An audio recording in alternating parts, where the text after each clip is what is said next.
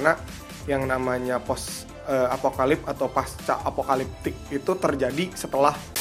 Nah si dampaknya tidak selesai dari itu eh, dari setelah ledakan itu semua. Apa? harta yang paling berharga. Adalah keluarga. Ini yang mainnya kakak saya, Brad Pitt. Rudal balistik itu dibawa oleh pesawat, namanya pesawat B-29, nama rudal balistiknya itu Little Boy ya. kalau Munir pakai arsenik Oh, iya, kalau Jessica. Jessica. ya pakai cyanida Iya, itu kopi, tuh kopi, ha. kopi, ya. Yugoslavia yang dipimpin oleh Joseph Broz Tito itu dibubarkan dan akhirnya tahun sekitar 89 Uni Soviet eh, membubarkan negara unitarisnya menjadi eh, Rusia ya kan menjadi beberapa negara-negara bagian oleh kebijakan Glasnost dan perestroikanya Mikhail Gorbachev. Post apokalips, post kalau akopalips, ako ap- apokalips itu post apokalips itu. Post apokalips apokalips itu bukan kiamat, tapi hancurnya dunia karena salah satu teknologi senjata pemusnah massal. Kita nonton film tadi apa? Saudara Mad Komo Max? Mad Max. Mad Max, terus Ah. Saudara Komo, The Book of Eli, terus ada Ayo. ayo ya ayo. Ayo, itu adalah gambaran-gambaran. Jadi ini satu lagi pak ada eh, film ini Mortal Engines tuh Nah, Um, baru ya? yang baru tuh baru-baru kan Mortal Engines di saat apa teknologi sudah hancur lebur dia membangun lagi dengan konstruksi pengetahuan yang jauh lebih baik dari eh, tahun-tahun yang lalu ketika perang nuklir karena semakin berkem- mungkin ya semakin berkembang zaman orang-orang punya kalau kata teori si Toyin Bima apa sih challenge and respond Ha-ha. jadi semakin tinggi apa apa namanya tuh eh, tantangan. Jadi bagaimana responnya untuk menghadapi dunia yang kejam ini? Gitu bos.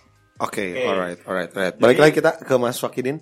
Jadi eh, nuklir ini nan post apokalips maksud saya. Post apokalips itu eh, bukanlah sebuah proses kiamat balik lagi bukan the end of world gitu kan tapi dia lebih ke kehancuran dunia. Dunia pasti akan recycle ulang kalau menurut saya akan recycle ulang. Jadi kalau misalkan nanti kita nonton film eh, apa itu yang ada lima kehidupan itu yang satu ada yang gay terus satu yang tahun apa yang pas Cloud Atlas ya, Cloud Atlas. ya kan? Yang cerita post apokalipsnya itu ada gitu kan? Yang si ah, siapa Tom Hanks, Tom Hanks gitu kan? Itu yang hidup di zaman post apokalips. Itu kemungkinan besar seperti itu. Kita balik lagi seperti berburu dan meramu begitu kan? Terus eh, kita balik lagi eh, perang front to front, senjata, pedang gitu kan, tameng pasti akan seperti itu. Bagi kita itu perang dunia keempat. Bagi ribuan tahun ke depan, mungkin itu adalah perang awal zaman. Ketika kita melihat perang Sparta ya kan dengan Persia 300 orang, kita pasti akan melihat itu adalah perang awal zaman. Tapi sebelum itu saya yakin itu adalah perang di akhir zaman. Nah, Kenapa? Karena ada satu bukti atau fakta sejarah yang menceritakan bahwa reaktor nuklir tertua itu ada di Gabon 40.000 tahun sebelum Masehi usianya dan itu masih aktif. Dan jauh lebih canggih dari reaktor nuklir dari senjata pemusnah massal yang berbahan dasar eh, hulu dark nuklir ya kan? Lebih canggih dari itu. Sampai sekarang di Gabon. Entah itu peradaban mana tapi mungkin kalau misalkan kita mengacu kepada teori konspirasi yang berbicara masalah peradaban Atlantis, Lemuria dan selanjutnya dan selanjutnya, saya yakin itu pasti akan ada hubungannya. Jadi sekarang saatnya kita sudah bilang say no to war, say say no to Drugs. bukan say no to nuclear weapon and peace. Jadi Peace, make ya. make love not war. Jadi mending bercinta daripada harus perang. Ya karena perang merugikan, benar gak sih? Make love not to nuclear weapon. Itu itu yang benar. Ah, ah. Itu yang benar.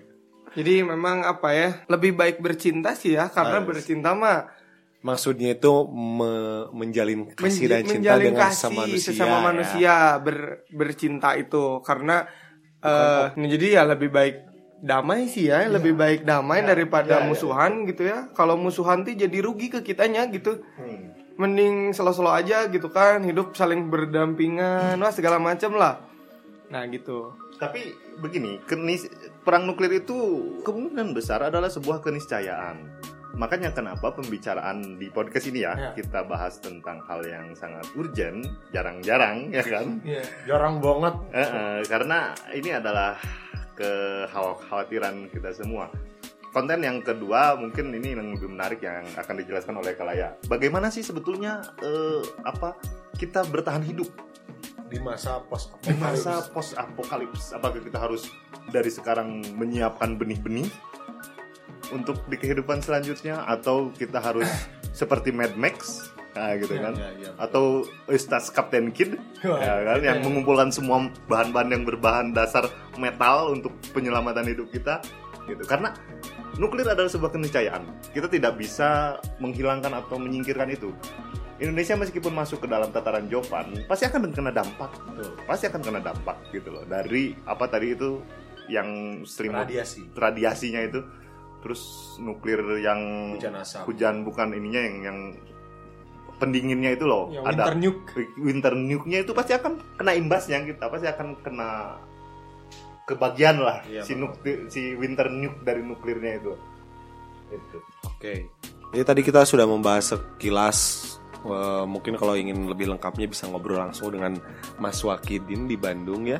Kita ngebahas tentang eh, jauh ke belakang membicarakan tentang perang kedua dunia kedua, bahkan sekilas tentang perang dunia pertama bahwa nuklir ini bakal menjadi suatu yang lumrah di masa yang akan datang. Bahkan sekarang walaupun pada pertama kali digunakan itu banyak dicekal, banyak dikecam oleh berbagai dunia dan eh, bagi negara di dunia berbagai negara di dunia maksudnya.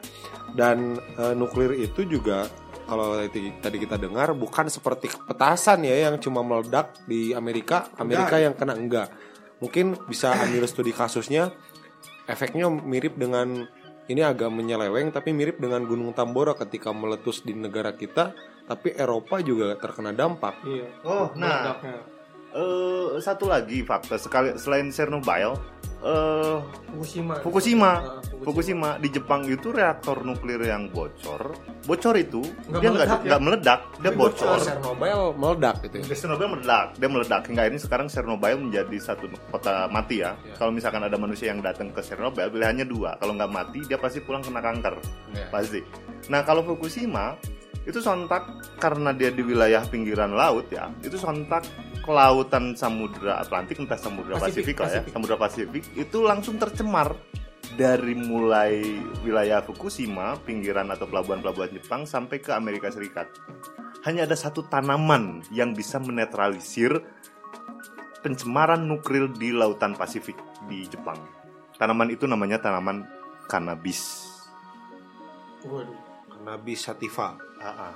Ini Itu- terlepas dari pro dan kontra ya, tapi katanya tanaman itu yang bisa menetralisir, menetralisir eh apa namanya, menetralisir pencemaran nuklir yang terjadi di lautan Pasifik, gitu. Jadi wajar beberapa orang me- me- mendewakan, me- bukan mendewakan atau sangat memuja-muja tanaman cannabis sativa ini. Oke. karena banyak ininya ya banyak ternyata banyak kegunaannya di samping ada pro dan kontranya gitu ya. nah eh, tadi berbicara berbicara mengenai eh, sekilas tadi dibahas oleh Mas Wakidin ketika kita berbicara nuklir nuklir dan berbicara tentang eh, adanya yang disebut post apokalips atau hancurnya tatanan dunia ini dan kita balik lagi ke masa awal Nah ini akan lebih jelasnya mungkin nanti dijelaskan sekarang kan nanti dijelaskan oleh Mas Ekalaya. Mas Ekalaya adalah pemerhati ya, pemerhati media-media zaman sekarang, pemerhati isu-isu zaman sekarang dan yang akan diangkat malam ini adalah tentang post apokalips. Ya kebetulan saya kerja di Instagram. Oh, siap kerja di saya. Selegram bukan? Bukan, itu ngecek-ngecekin komen netizen. Enggak lah bercanda. Eh begini, eh, untuk kehidupan setelah perang nuklir ya, karena ada apa eh, hujan asam ya, hujan asam itu bukan ternyata bukan sehari dua hari pak, hujan asam teh. Ternyata si hujan asam itu eh, berlarut-larut entah itu sebulan atau dua bulan gitu kan tergantung dari kekuatan ledakan si nuklirnya. Terus yang kedua yaitu winter nuke atau eh, zaman es. Bukan Musim zaman es dingin. mu- musim dingin karena eh, penurunan suhu yang drastis karena apa? Karena disebabkan mungkin kandungan uranium dicampur dengan teknologi-teknologi gitu ya jadi membuat si atmosfer terganggu dan akhirnya sinar matahari. sinar matahari tidak tembus ke bumi karena tertutupi awan si awan ledakan itu tuh. Dan itu jadi eh, apa? Berdampak jadi winter nuke itu. Selain itu juga eh, selain winter nuke itu eh radiasi dari apa atau paparan radioaktif dan sinar gamma tahulah sinar gamma ya jadi kalau di film Hulk Ah, jadi sinar gamma itu ketika si nuklir diledakkan, otomatis ada kilatan cahaya. ya, minum dulu makanya, Bos. Tapi makasih ya ini rokoknya ya, udah disponsorin nih rokoknya sama si Guntur dari Komo Break. sinar gamma. Jadi setelah ledakan itu eh, kan muncul kilatan nih. Nah, kilatan itu sebenarnya yang berbahaya. Kilatan itu disebutnya sinar gamma. Kalau yang saya tahu ya, sinar gamma. Jadi itu yang bikin kebutaan. Nah, terus gimana caranya kita bertahan hidup setelah perang nuklir? Nah, benar apa kata Mas Wakidin tadi? Eh, perang nuklir mah adalah keniscayaan, bener gak sih? Nah, keniscayaan. Nah, mumpung sekarang belum perang nuklir nih, buat teman-teman Komo Break yang lagi dengerin, eh, satu-satunya cara untuk bertahan hidup dan persiapannya dari sekarang ialah mengumpulkan bibit, benar tadi, mengumpulkan bibit tanaman, gitu oh kan? bibit tanaman Bibit Kirain tanaman. saya bibit keturunan Enggak, kalau keturunan sama aja. bibit tanaman Bibit tanaman, heeh, bibit tanaman dikumpulkan karena mungkin entah nanti si tanah jadi gersang atau gimana ya. Pokoknya si bibit itu harus ada karena kita tidak pernah tahu daerah mana yang tercemar dan tidak. Meskipun eh, paparan radioaktif itu bukan hanya di tanah tapi di udara juga gitu kan. Nah, bibit yang harus diamankan terlebih dahulu.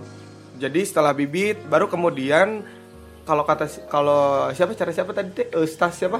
Eustas Kid. Eus- si Eustas Kid itu kalau di film film di One Piece. di anime One Piece ya, dia ngumpulin barang-barang yang berbahan metal atau besi. Nah, nanti bakal dijadiin Tangan. eh apa? Senjata. senjata terus armor gitu kan terus apa tedeng aling-aling buat bertahan hidup pokoknya gitu. Nah itu yang eh, jadi penting gitu. Terus yang ketiga adalah eh, ini yang paling penting keterampilan untuk merakit. Nah bagaimana kita mampu untuk merakit sesuatu? Seperti contoh nih ya di gamesnya Metro Exodus itu yang game baru 2019 ini.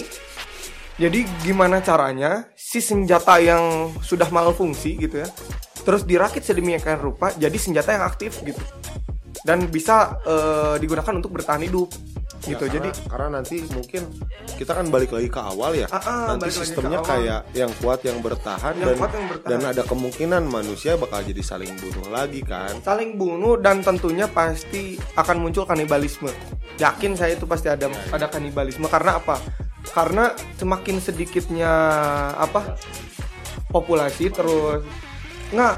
Spesimen. Bukan bukan.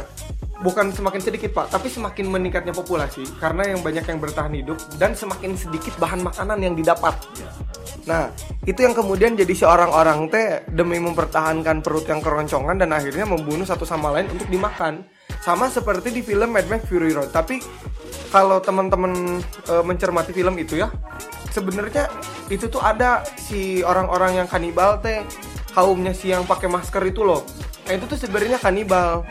Cuman mungkin karena terlalu eksplisit untuk difilmkan jadi tidak gitu. Awalnya tuh di komik dulu atau di novel dulu sih? Mad Max. Iya. novel deh kayaknya itu mah. Soalnya kan ada Mel Gibson dulu mah yang main tuh ya bener nggak? Iya, iya. Mel Gibson. Jadi ada Mad Max 1 Mad Max 2 Mad Max 3 nah yang baru ini yang Fury Road yang lebih HD lah. Iya. ah gitu. Jadi ngomongin film goblok. Tapi nggak apa-apa lah ya. Ada ini mah referensi nah terus keterampilan untuk merakit sesuatu. Nah jadi teman-teman tuh kalau youtuban kalau kerja di YouTube ya kalau istilah saya tuh kerja di YouTube tuh jangan ngeliatin YouTube-nya siapa yang geledek-geledek itu ya. Itulah Iya, iya. yang pamer kekayaan terus yang gaming-gaming gitu. Sebenarnya itu boleh-boleh aja sih ya boleh-boleh nonton cuman eh, cobalah tengok tuh yang DIY gitu ya, do it yourself gitu, bikin-bikin apa, hack life, heeh. Tapi life hack bukan hack Ya, life. life hack. Tapi game bagus loh. Jadi seenggaknya kita tahu kalau gamenya kayak game perang gitu ya, battleground, yang FPS gitu kita ngerti senjata. Jadi kita ngerti senjata dan eh, istilahnya sedikitnya tahulah tato nggak boleh sembarangan karena nanti bahaya. Terus yang kedua pasokan air. pasokan air di sini yang paling penting karena kebutuhan hidup itu bukan makan doang tapi minum ya. Nah gitu sih sebenarnya mah untuk tata cara bertahan hidup. Terus yang kedua, eh, yang terakhir adalah ketika kita bertahan hidup kita harus tahu dan kita harus cekatan dalam memilih bahan makanan karena tidak semua bahan makanan yang di sana yang tersedia ketika zaman post apokalips itu bisa dimakan. Bisa dimakan, bisa dikonsumsi karena kemungkinan besar itu bakal terpapar oleh Radiasi. ra- radioaktif itu. Ha-ha. Oke oke oke. Gitu sih. Jadi kalau berbicara masalah survive ya, survive sebenarnya gini loh. Jauh sebelum itu sebenarnya kita harus ny- nyiapin mental dulu yang pasti. Mental, ha. Mental ketika kita harus balik lagi hidup secara survive gitu. Ya. Dan yang kedua, secara umum mungkin yang tadi Mas Eka Laya bilang kalau kita harus bisa merakit, tapi kondisinya kita orang Indonesia nih, Ha. yang notabene senjata nggak legal. Beda kalau di film-film Hollywood yang latarnya Amerika, Eropa mungkin mereka seperti tinggal mencontoh yang ada di film. Ha. Nah, tapi kita kan nggak tahu nanti dataran bakal berubah atau kayak gimana. Iya. Jadi kalau untuk orang Indonesia menurut saya gitu ya, yang pertama mental dulu, Mental. terus eh, bela diri yang Bela pasti diri, ya. bela diri. Terus yang penting pengetahuan mas, Ha. karena di film The Book of Eli itu yang dikejar itu ternyata bukan buku, orang ternyata kan ya, Iya. orang yang dia menghafal buku pada waktu itu ya, Ha. menghafal Alkitab kalau nggak Ya, salah. ma- ngapalin Alkitab. Karena orang-orang di sana sudah tidak mempunyai katakanlah pengetahuan, mereka sudah hilang arah, Ya. tidak punya Pegangan hidup. pegangan. Jadi ketika ada orang yang tahu tentang pengetahuan, mungkin lebih spesifiknya minimal pengetahuan tentang cara bertahan hidup lah seperti apa, Survival. survive. Dan yang tadi yang ketiga dari Mas Eka itu adalah tentang makanan. Zaman sekarang aja nggak semua makanan bisa dimakan gitu kan, apalagi nanti ada radioaktif gitu. Terus apalagi nih Mas? Yang terakhir sih lebih sering ini kali ya, lebih sering mandi kali ya. lebih sering mandi karena nanti kalau misalnya sembarangan mandi kan pas zaman nuklir kan tiba-tiba eh, airnya kena radioaktif, gatel-gatel terus kanker gitu kan. Dikit-dikit kanker, dikit-dikit kanker bahaya Ah, nanti. Mending sering-sering mandi lah biar nanti kuat nggak mandi. eh enggak maksudnya gini, bukan sering-sering mandi, jadi sering-sering nggak mandi gitu maksudnya. Oh, kebalik, kebalik. Ah, ah, biar nanti eh, pas zaman post apokalips terbiasa nggak mandi. Dengan ketombe sudah biasa, Ah, daki tapi yang penting tebel. satu, sikat gigi sama parfum. Ya, Mas Wakinin izin dulu ya ada Ya. keperluan. Jadi tadi berbicara mental, pengetahuan karena buku akan menjadi hal yang penting, merakit, membuat senjata. Mungkin kita dibilang tadi Mas Wakinin kita balik lagi ke zaman dulu ketika meramu, berburu, kan anggaplah manusia prasejarah gitu. Tapi secara pengetahuan enggak kan. Jadi hanya tatanan dan cara bertahan hidup. Tapi kita pengetahuan, pengetahuan zaman sekarang gitu kan.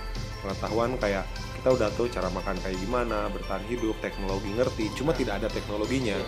Jadi untuk teman-teman yang percaya akan adanya post apokalips dan percaya bahwa nuklir akan menjadi senjata di perang dunia selanjutnya, ya teman-teman harus siap sedia gitu. Karena mungkin nggak semua teman-teman yang mendengarkan ini atau orang di, luar sana yang percaya bahwa perang nuklir itu bakal ada gitu. Iya, karena ini termasuk apa ya benar tadi apa kata Mas Wakidin ya. Ini tuh macam teori konspirasi gitu. Teori konspirasi ini teh diragukan, diragukan kebenarannya gitu. Apakah ini benar-benar terjadi atau tidak? Cuman untuk persiapan, untuk persiapan kita ya melatih mental dan fisik, terus cara merakit sesuatu gitu ya.